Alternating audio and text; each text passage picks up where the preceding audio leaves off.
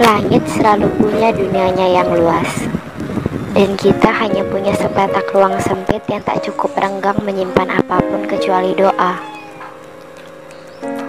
Saat kita tidak bisa menggenggam apa pun Allah mengingatkan kita hanya punya satu hal yang tidak lepas dari genggaman. Doa menjadi alasan seseorang untuk tetap tumbuh meski lahannya penuh paku untuk tetap berkembang meski ilalangnya rimbun rindang untuk tetap melangkah meski gerak sudah tak tentu arah.